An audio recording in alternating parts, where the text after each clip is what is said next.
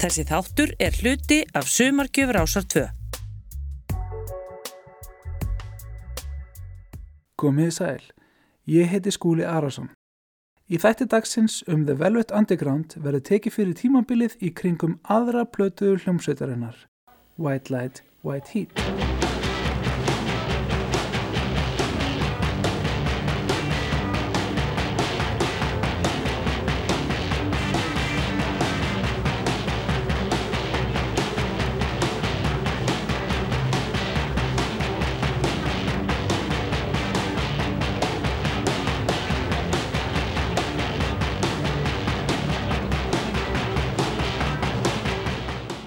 Eftir miður gott gengi skipulags og fjárhagslega voru 1967 rak Lou Reed Andy Warhol úr starfi umbóðsmanns. Warhol varð mjög sár og kallaði Reed róttu sem var það grimmilegasta sem hann gætt hugsað sér. Reed þótti þannig séð mjög fallett að heyra þessa barnalegu en einlegu móðgun Warhols. Það var lýsandi fyrir poplistamanni Ljúa að þetta væri í hans huga mjög særandi viðunöfni.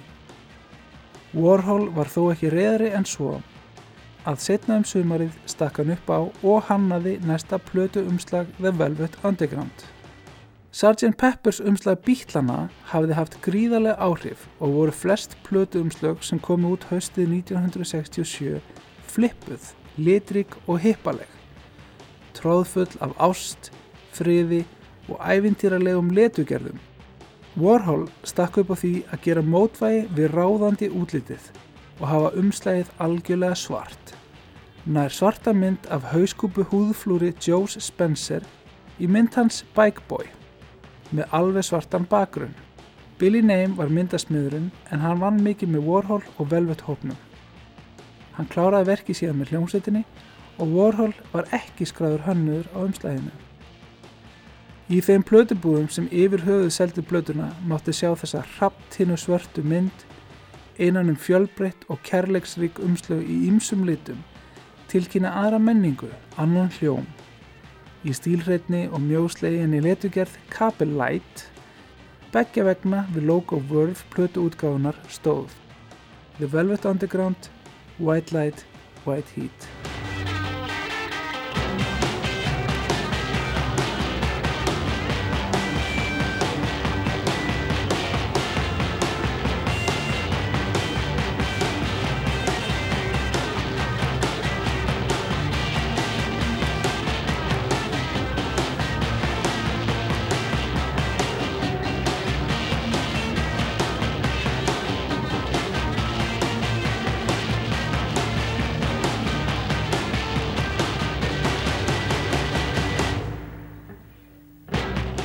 The Velvet Underground sögðu ekki bara skilið við Warhol sumurinn 1967 heldur líka gengi hans sem bjóð til markmiðluna síningarnar sem hljómsveitin leika á. Störfuðu þau án umbóðsmann sem hríð en það stóð þó ekki lengi. Steve Sesnick rak og var bókari á helsta rock tónleikastað Boston, The Boston Tea Party. Hann hafi gengið með grasið í skónum á eftirbandinu síðan hann sáði spila í Los Angeles 1966 og var mikill stuðningsmæði þeirra. Hann var vanur ímsu braski og var duglegur að beita fagugala til að fá sínu framgengt.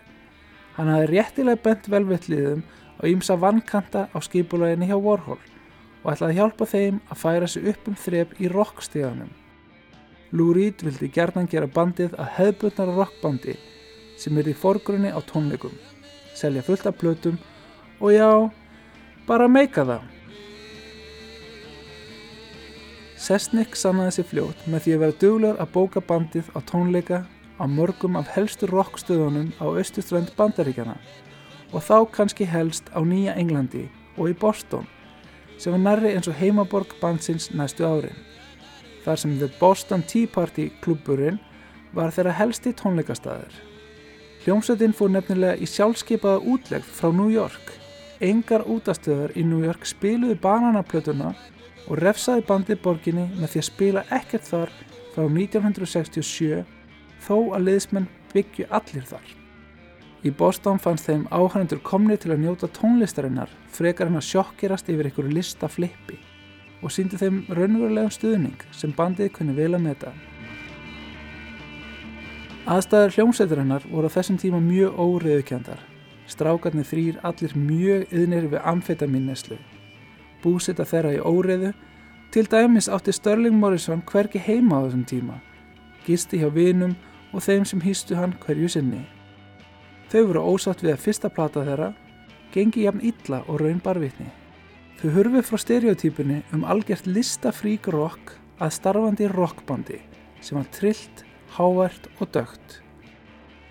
John Cale tók upp samband með fatahönniðinum Betsy Johnson sem gerir sviðsbúninga handa sveitinni, dökka og svala. Cale fekk fín puff fremst á ermarnar. Morrison eins konar hunda eða gattaól um hálsin og Reed vildi sínast með stór kinnfæri þannig að hún gerði góða bólstrun í klófið fyrir hann.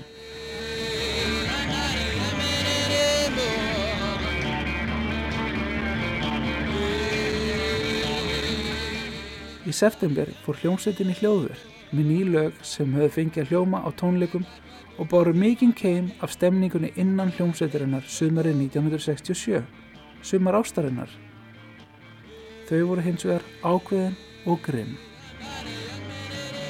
Platan var tekin upp hratt í skeptir hljóðverunu í New York rétt eins og megnið af fyrstu blötu þeirra og er Tom Wilson skráður upptökustjóri. Tom Wilson er stórt nafn í upptökuheiminum. Hann hóf ferilinn með jazz upptökum, tók upp Like a Rolling Stone með Bob Dylan og lifti lagi Simons og Garfunkels Sound of Silence á herra plan með frumleiri og fagleiri útsetningu. Vinna hans við aðra skífu The Velvet Underground var hins vegar ekki mikil. Hann held stemningunni léttri og leiði bandinu að leika lausum hala í hljóðverinu. Hann netti ynga megin að eiga við Lou Reed og ákveðnar hugmyndir hans. Cale tók sérstaklega eftir því að Wilson kom og fór, oft með fagra konur sér við hlið og fannst þær ekki gera neitt af viti. Cale hefði, eftir áhækja, kosið að starfa með öðrum upptökustjóra. Þeim stóði jú ímsir upptökustjóra til bóða eftir fyrstu blötuna og hefði gerðnan vilja fá eitthvað sem hefði geta unnið með hljóðpælingar bandsins með betri árangri. Heilt yfir var erfitt að skila því sem hljómsveitin vildi gera á vínilblötu. Störling hefur talað um tæknilega vankanta þess tíma sem meina helstu ástæði þess að þessi kraftmikla tónlist hljómaði full mjóslegin. Bassin býtur frekar en að vera þykkur, trommurnar hljóma fjarlægar og yfir öllu er loðin bjögun sem minnir á illa stilt útvarp. Helsta ástæða þessa var að velvöldliðar neitið að gera neinar málamiðlanir á flutningnum stiltu allt í botn og voru að reyna að hafa alla mæla í stjórnklefunum hoppandi upp í rauðasvæðið þar sem hljóðgæðin bjagast vegna hljóðstyrks. Garrick Helgren, tæknimaður, leiti yfir græðinan þeirra. Fösspetala, þjöppunapetala og magnara, allt stilt í botn og sagði þeim Þetta á ekki eftir að ganga upp, þið verðið að breyta uppstillingunni. Þau svöruðu. Sko, við vitum ekkert hvað er í gangi í stjórnklefanum og okkur er alveg sama. Látt þetta bara virka. Morrison sagði um plötuna að hann endur speklaði ástand hljómsveitarinnar á þessum tíma.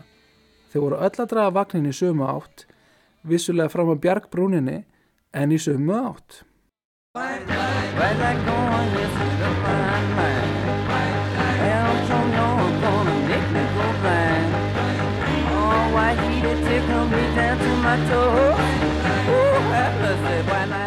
White Light, White Heat, titila plötunar, hefur komið fram í gríðarlega mörgum útgáðum í gegnum tíðina en þetta er eitt af aðalögunum á tónleikum gegnum allan fyrir Reed. Hér í upprunalegri mynd er áhersla lögð á að endurspegla áhrif amfetamins sem spröytað er í æð. Hvíta ljósið og hvíti hitin á það er að endurspegla tilfinninguna sem fylgir rússi efnisins þegar það nær til heilans og blindar nær þann sem tekur við því. Rétti eins og ég I'm waiting for the man er stanslust hamrandi kyrsla til að auka enn á þessa hröðu tilfinningu. Tekstinn lýsir tilfinningunni, efnið sem getur drepið, gert mann geðveikan en kýtlar alveg niður í tær. Reyndar er hægt að horfa skýrskoturuna á markþættari máta líka. Lou Reed uppliði raflostin sem hann fekk sem úlningur með svipaðri lýsingu og gantaðist með það að þá hafi áhuga hans á ramagni hafist fyrir alvöru. Lou Reed var duglegur að kynna sér yfirnáttúrulega mál á þessum tíma og las meðal annars A Treatise on White Magic eftir Alice Bailey. Hvíta ljósið er heilandi afl og er bæði gefandi og til þess fallið að veita hennum upplýstu insýn í annan heim. Rétt eins og með lagið Heroin er hægt að tólka lagið þannig að sögumæðurinn sé að komast í núið eða algleimi með hjálp livja. Það vel þekkt meðal ímis að presta og leðsögum hana andans að nota ímislif sem hjálpagögn og er vel hægt að skoða þessa texta Reeds í sama ljósi. Bassi, keil og piano er hér aðal drivkrafturinn og er áhugast að skoða bassastíl keil sem er þungur, segur og öðruvísi. Það var regla í Velvet Underground á fyrstum árum þeirra sem bannaði bluesriff. Að vissuleiti var svo regla brotin margóft en bassalínur keil endur speikla þetta vel því hann fór yðurlega í kringum hérna hefðbundu rockskala sem hefði átt heima við þessa stöðluðu rock hljóma ganga eins og til dæmis í White Light, White Heat. Hér lemur hann einfallega grunn nóturnar með einstaka fráviki eins og sannur frum pöngari. Í loglagsins fær bassin að njóta sín líkt og Keil fekk ofta gera í lengri og spunalegri köplum hljómsveiturinnar og er bjagaði bassin látum tólka ströym amfetaminsins í heila neytandans. Waldo Jeffers had reached his limit. It was now mid-August, he had been separated from Marcia for more than two months. Two months, all he had to show were three dog-eared letters and two very expensive long-distance phone calls. True, when school had ended and she'd returned to Wisconsin, Locust, Pennsylvania, she had sworn to maintain a certain fidelity. She would date occasionally, but merely as amusement. She would remain faithful. But lately, Waldo had begun to worry. He'd had trouble sleeping at nights, and when he did, he had horrible dreams. He lay awake at night, tossing and turning underneath his pleated quilt protector, tears welling in his eyes he pictured Marcia, her sworn vows overcome by liquor and the smooth soothings of some near. The Gift er bæði keirandi rockari og gráðbrósleg smásaga í senn, eða annað kort. Hljómsveitin ákvað að leifa hlustandum að ráða hvort hlusta væri á bæði einu eða þá með því að stilla hljómtækin milli hátalara að hafa aðeins tal vinstra megin He, Waldo, alone understood this. He had intuitively grasped. Eða tóna hægra megin. Í vinstri hljóðrásinni les John Cale með sterkum velskum hreim smásögu Lou Reed, The Gift. Lou Reed samti hana fyrir kurs í skapandi skrifum á meðan hann nam við Syracuse háskóla og Cale stakk upp á því að nota hana samhliða einhverju rocklagi. Sagan fjallar um hið ástsjúka og óhefna grei Waldo Jeffers sem efast um tryggð kærustu sinnar sem er flutt heim til sín eftir skólaárið. Örvæntingafullur ákveður hann að senda sjálfa sig til hennar í pósti sem er jú hagkvæmu kostur fyrir fátakar námsmann. Grunur Waldos reynist á rökum reistur. Kærastan Marcia tekur á móti pakkanum í miðjum umræðum við vinkonu sína um strákastand sem er á fullu. Það reynist erfitt að opna pakkan en það tekst loks með hræðilegum en skoplegum afleiðingum. quite comfortable. A few air holes. Í lók sögunar heyrist hljóð sem líkir eftir því þegar hauskúpa Waldos opnast. Right through the center of Waldo Jeffers' head. Þetta er Reed að stinga eða lemja kantalópu. En Frank Zappa stýrði gjörningnum. Zappa, sem var líka á samningi hjá MGM Verve, var í upptökum með The Mothers of Invention í sama hljóðveri. Var sjóaður í upptökum á óvinnilegum hljóðum og var kift í smá listræna stjórnum. Í hægri hljóðrásinni rokkar bandið síðan í segfljótandi og töffarlegum gýr. Þetta stef hefur oft verið nefnt Booker T, bæði af velvettliðum og þeim sem voru kringum bandið, í höfuð á samnefndu rockara úr Booker T and the MGs. Stefið reynir síðan alls ekki heita Booker T. Þetta kemur að ljós í upptöku af tónleikum í The Gymnasium, þar sem sveitin var hluti af The Exploding Plastic Inevitable í New York frá 30. april 1967. Þar leikaðu hið rokkaða stef sem fylgir læginu The Gift og annað er kallast Booker T. Booker T hljómar þar svona.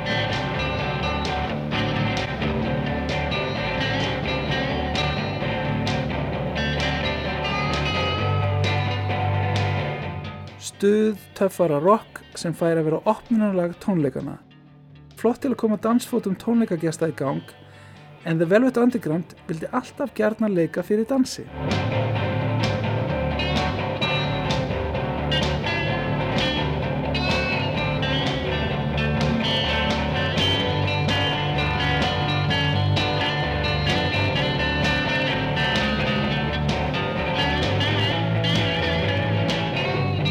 Í lok tónleikana fær síðan The Gift stefið að þróast á afslappaðan og svalan máta með leitandi gítalínum sem flögra í kringum bassastefið sem dóla sér áfram. Mjög töff og andlegt súrkálsrock hér í gangi.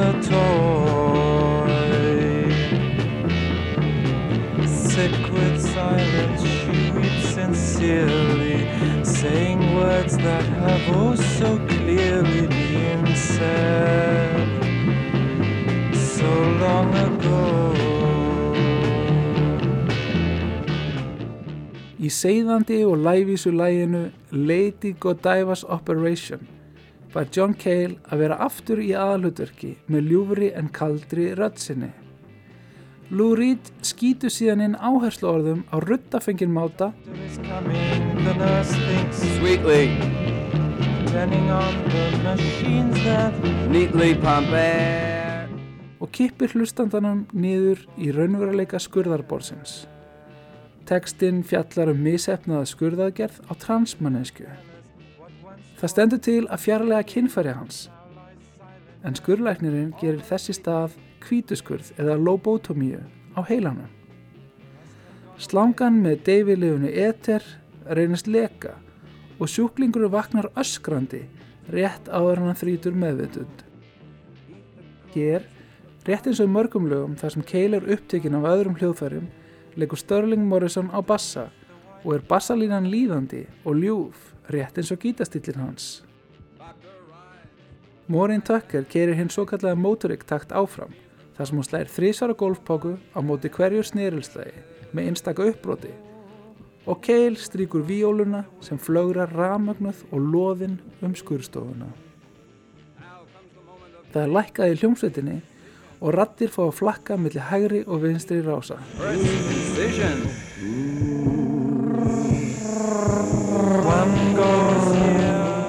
Cale, Reed og Morrison leika sér að setja hlustandan í spórlafiði Godivu á skurðaborðinu með hljóðum sem líki eftir súrötnispumpu, hjartslætti og fleira.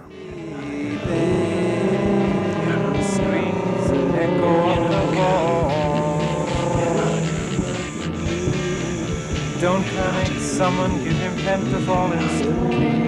Doctor removes his blade, cagily so from the brain. By my count of ten. My head won't move.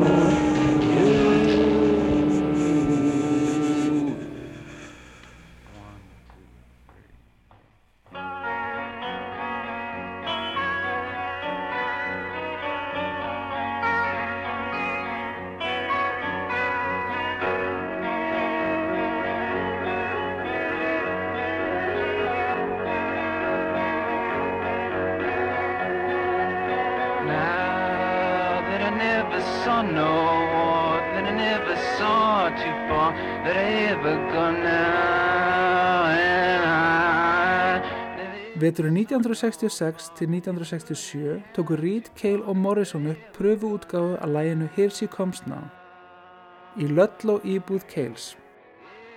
Reed ætlaði Nico að syngja lægið en þegar koma upptökum í september hafði hún sagt skilið við bandið þannig að Reed tekur að sér söngin í þessu eina lægi sem er tiltúlega blátt áfram á plötunni.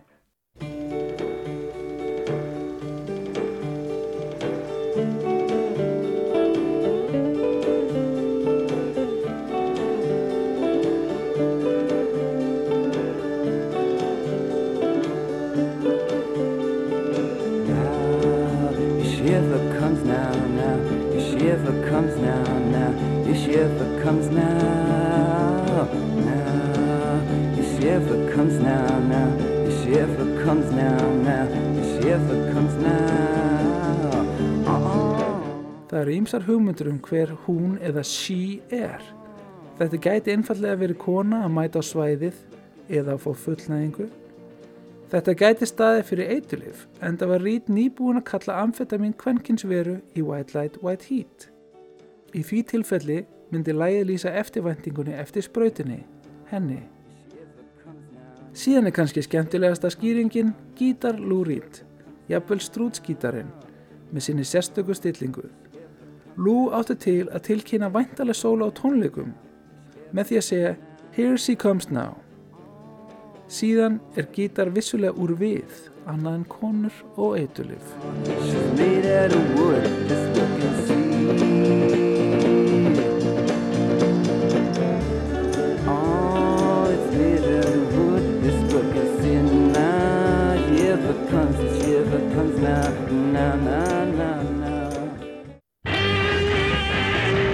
I heard her call my name er algjör dínamít sprengja. Þetta snaróða rockla hljómar eins og sturlað nöyt í flægi. Þetta er aðalega vegna gítasólu að Reed. En á meðan spila hljómsettin eins og hún sé að reyna að halda sér á vangjum ofurþótu án þess að fjúka af. Maureen Tucker og Sterling Morrison voru mjög hrifin að sjálfu læginu en fannst Lou Reed alveg eðilegja það í hljóðverinu. Sterling hætti í bandinu í nokkra daga til að lýsa vanþóknum sinni á loka hljóðblöndun lagsins. Lou Reed var sem ungu maður alltaf mjög hrifin af rockabilly, doo-wop og R&B tónlist, en líka mjög hrifin af frjálsum jazzi og þá sérstaklega Cecil Taylor og Ornette Coleman. Þið frjálsa og trublaða sóla lagsins er óður til þeirra.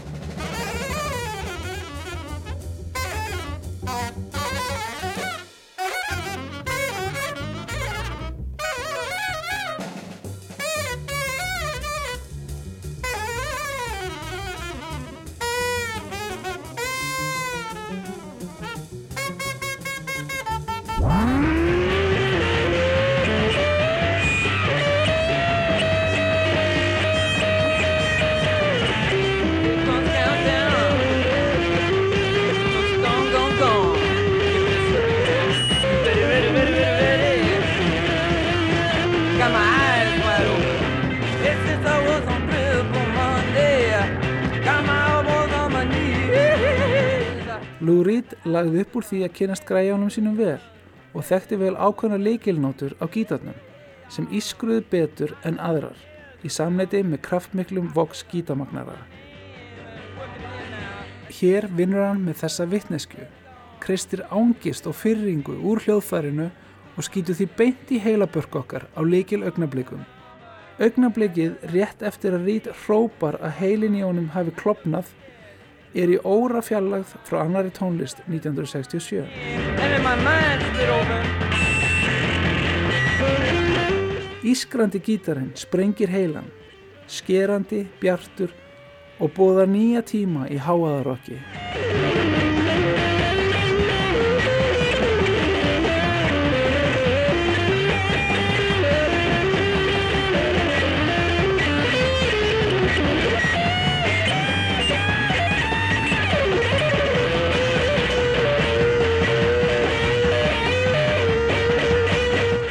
Störling og Maureen hafa líst lokasólu Reeds sem algjöru óriðu en önnur taka á læginu sýnir að svo er ekki. Reed tekur svipað sóló í sömum hlutum lagsins. Þessi óður til frjálsatjassins er því furðu skipulaður. Heyrum sprengjuna eftir að Hailey Reeds opnast. In my mind split open.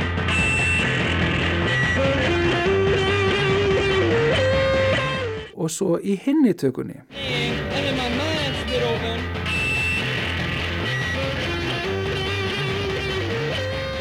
Hygglust mjög skipulögð óreiða.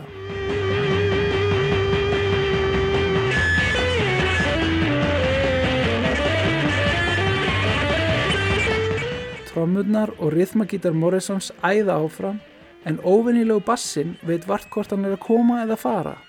Hættir og byrjar til skiptis. Á löngum köplum þögull.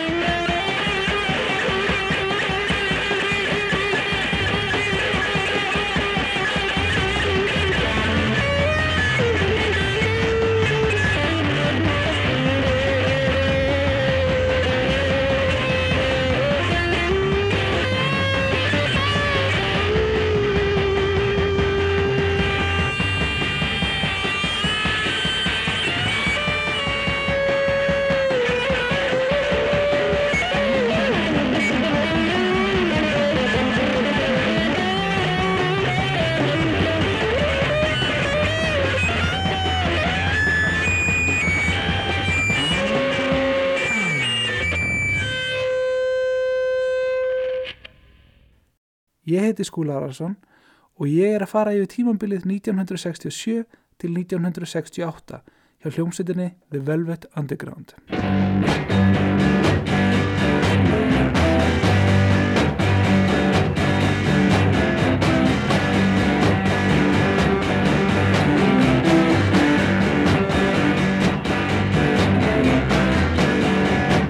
Inside.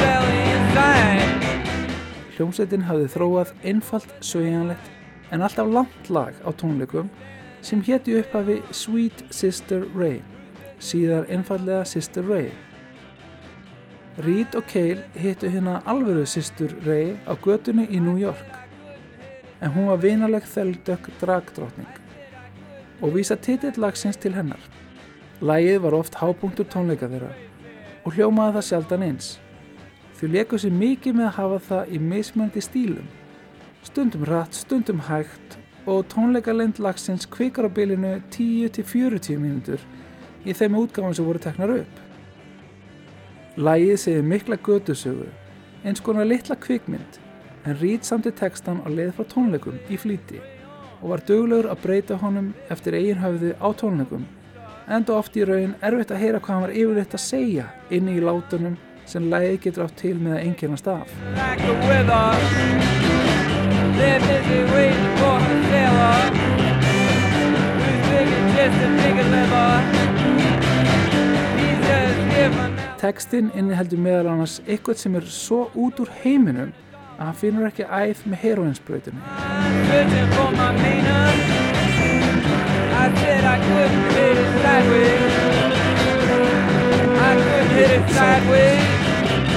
Sjóara frá Karolínu sem mæti tilbúin að græða smá auður en er skotin á staðinum svo það kemur ljótu blettur á teppið. Síðan er stöðut verið að sjúa dingdonga út lægið. Hér eru mikil áhrif frá beatskáldinu Hubert Selby Jr. og söguna hans Last Exit to Brooklyn.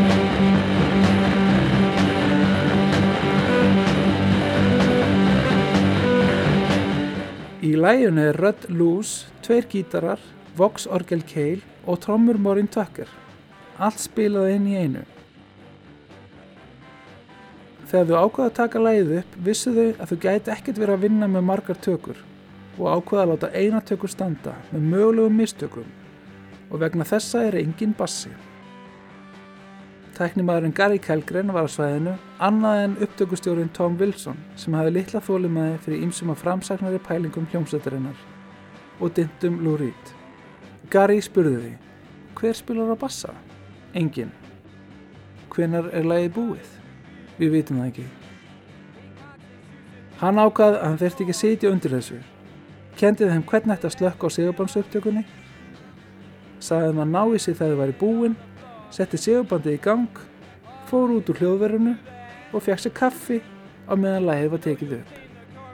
Síðan berjast meðleimirnir um að láta heyrast í sér. Reed, Cale og Morrison voru allir vopnaðir voksmagnarum og fuss effektabetulum sem voru öfluga græður. Hér og þar í læginu heyrast ákveðin hljóðfæri hækka og komast framar í hljóðblönduninni. Cale náðu að opna enn frekar fyrir orgelhljóði með því að fykta í grunnstillingunum sem Störling svaraði með því að skipta um hljóðdósastillingu á gítarnum sínum og fá þannig aðeins mér á umf eins og hann kallaði það.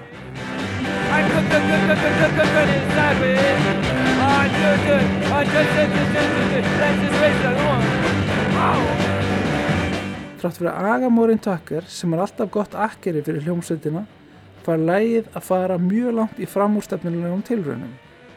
Hér, rétt eins og í I Heard Her Call My Name, er mikill óður til frjálsa spilamennsku Ornette Coleman og Cecil Taylor. Hér er búið að færa frelsi hljóðana inn í djöfulega kvikmynd.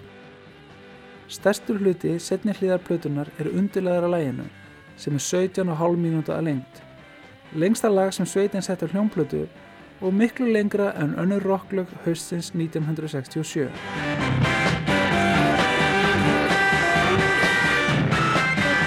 Platan kom út í lok janúar 1968 við lítinfögnuð. Rétt lakin á Billboard listan í 199. sæti. Hljómsveitin var döglega að spila á tónleikum og hvert sem þau fóru voru ákveðna reglur um flutning laga. Þau reynda að breyta örlíti til í lögunum sínum milli tónleika og fengu lögin Waiting for the Man og Sister Ray sérlega margar mismunandi útgáður þar sem stemning tónleikastæðarins hverjur sinni fekk að ráða hraða og stíl. Með Cale innan bors þróaðist lifandi spunni bandsins yðurlega út frá trommuleik Morin Tucker sem myndi leggja línurnar í setni lögunum á tónleikaprogrammi bandsins. Þau áttu til að vera meira en 10 mínútna rockspunar með áherslu á Sister Ray sem bauð upp á ýmsar útfæslur, hægt og svalt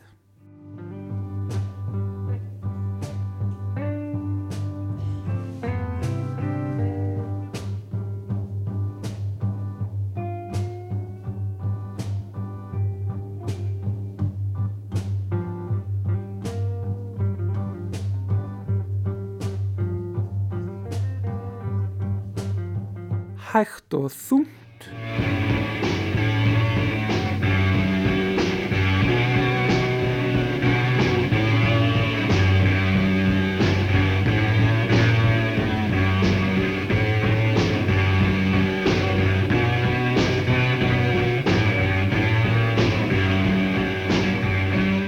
Hratt og grimt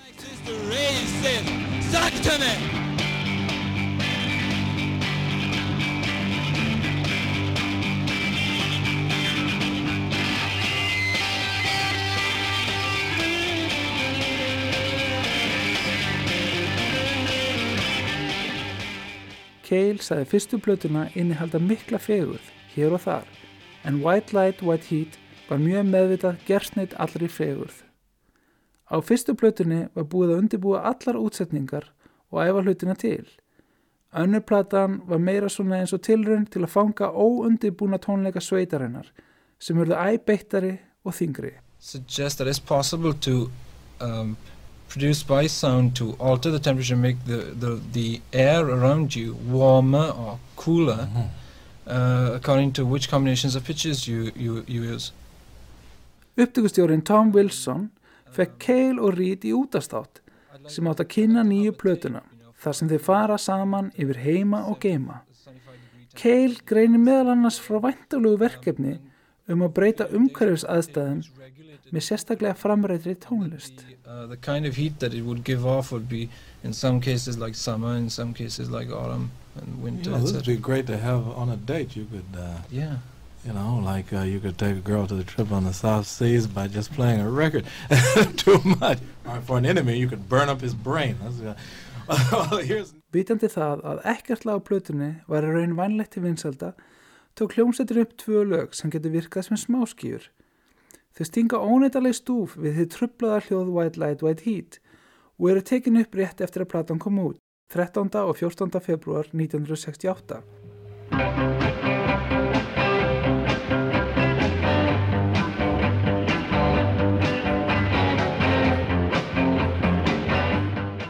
Áður 5. desember hafði hljómsveitin skroppið í hljóðverð til að taka upp tónlistina við lagið Guess I'm Falling in Love sem hljómaði í byrjun þáttar. En þau kláruðu það aldrei hljóðveri. Það er hins vegar til þessi tónleiku upptaka úr The Gymnasium tónleikunum, þar sem þau syngja. I got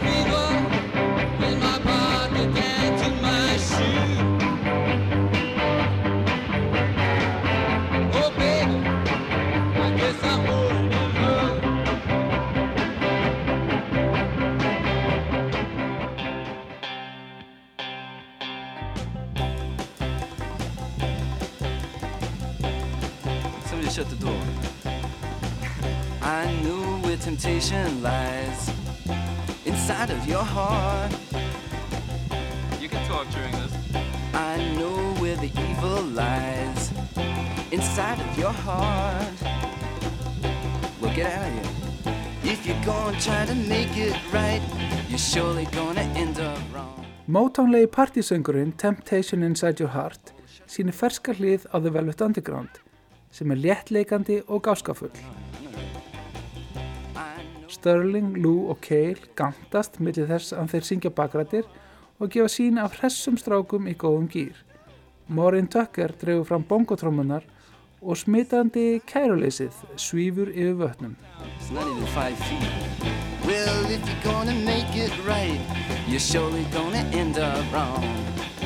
right, like.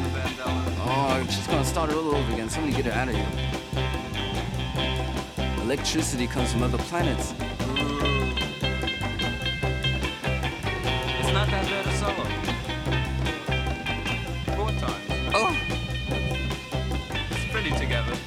you can't stay there. You didn't snap Yes, I your hand. I can talk to myself this way. Lock the door this time. Lies inside of your heart. She's ready. I know where the evil lies inside of your heart. Is she ready? But if you're gonna try to make it right, you're surely gonna end up wrong. Oh, the whole mess start again. Well, New York buildings are very high. Not at all offensive. Lock the door. Gonna carry on at infinite length, my dear. the Pope in the Silver Castle.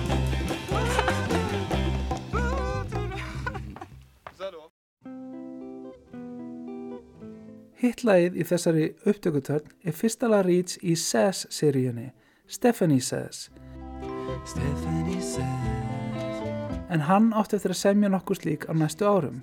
Til dæmis Candy Sass og Lisa Sass með The Velvet Underground.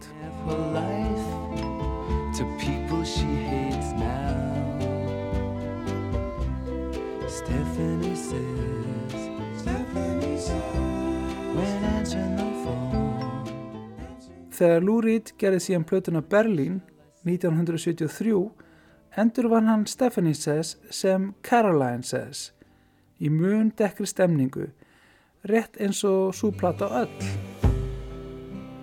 Caroline says, as she gets up off the floor.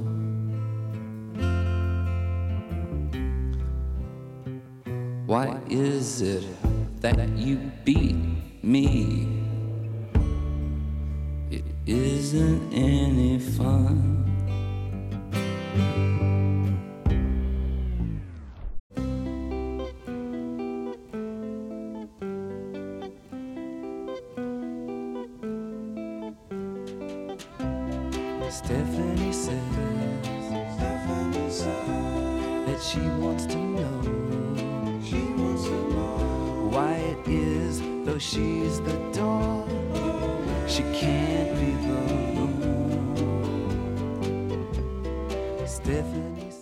Fær John Cale að njóta sín á víólunni og selustunni og er hljómsveitinu öll í mjög vel hefnum kammerpop gýr.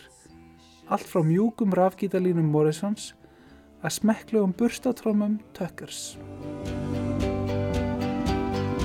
but she's not afraid to die. The people all call her Alaska. Between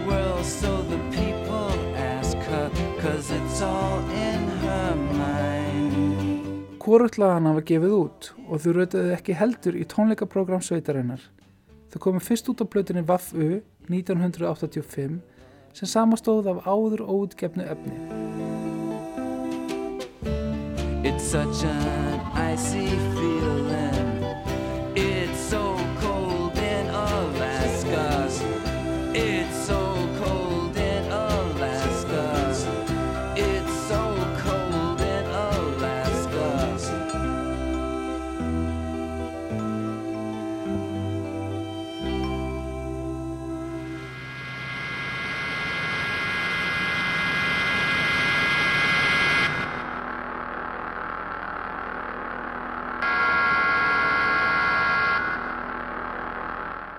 Í april 1968 giftist John Cale fatahönniðinum Betsy Johnson sem vildi auðvita veg eigimann síns sem mestan. Hún kvatti hann áfram í að gera einn tónlist og stíliseraði hann enn meir með hljómsveitinni.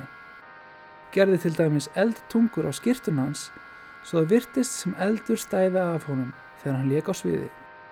John tók upp drónverkið Sun Blindness Music í oktober 1967 sem kom þó ekki út fyrir 2001. Cale satt því ekki alveg auðum höndum utan hljómsveitamennskunar.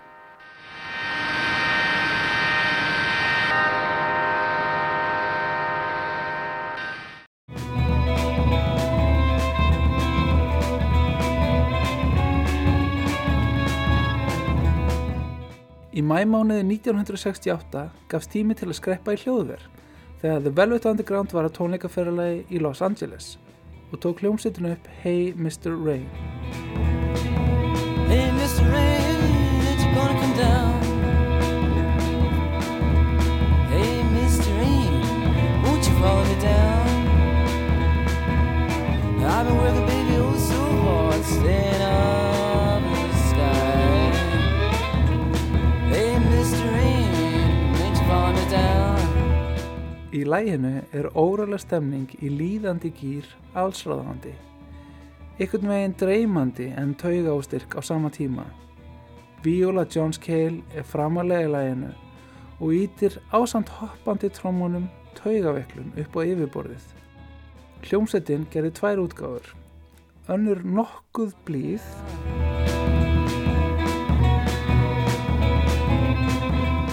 hinn nokkuð taugatrækt.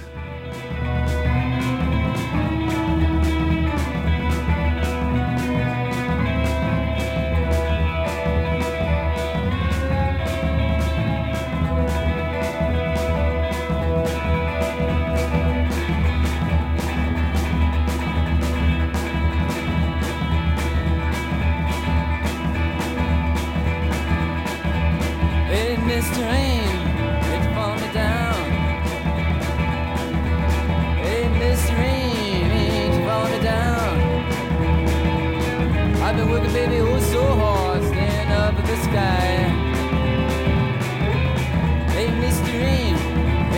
me down?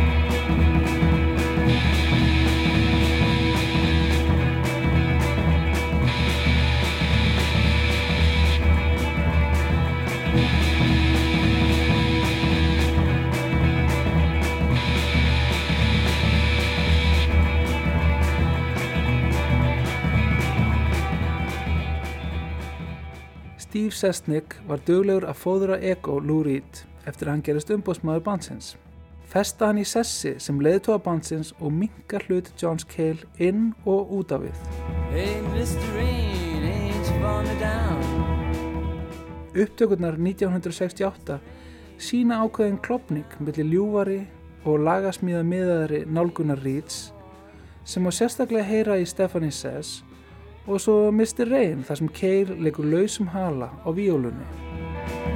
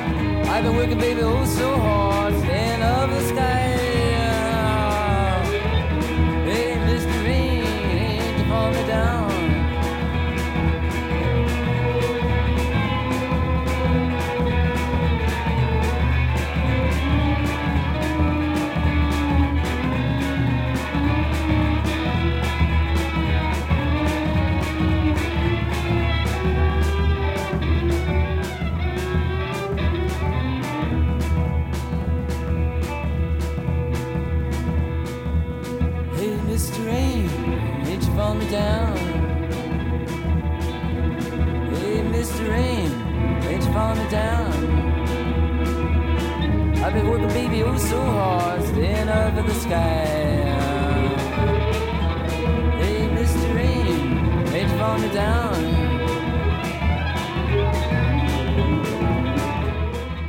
Í september 1968 búða Reed Sterling Morrison og Morin Tucker á sinn fund án mikils fyrirvara.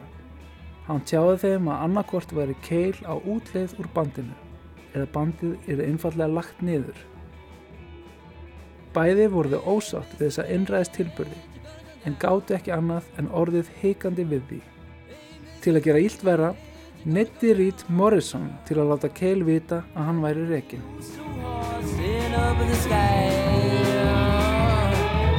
Hey, Mr. Rain, ain't you gonna come down?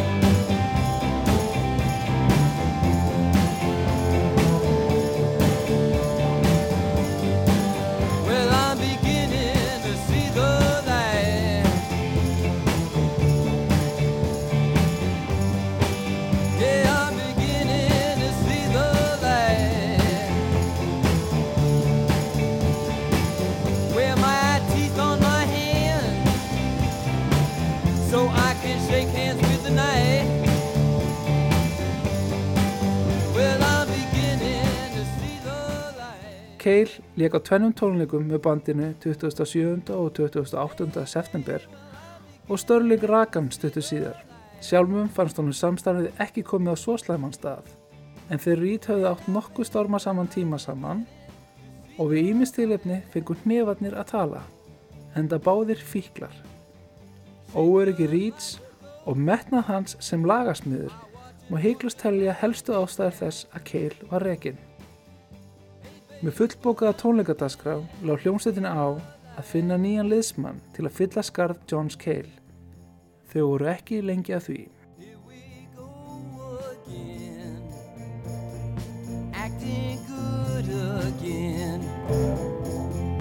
Here we go again, acting bad again. All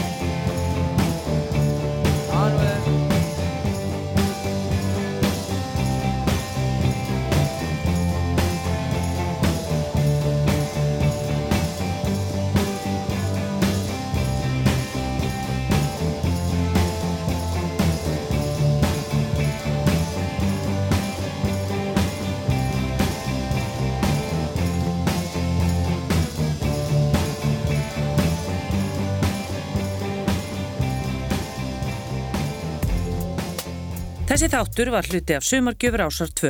Þú getur nálgast fleiri þætti úr safnir ásar 2 í spilaranum á rúf.is, í rúf appinu fyrir snjalltæki og öllum helstu hlaðvarpsveitum.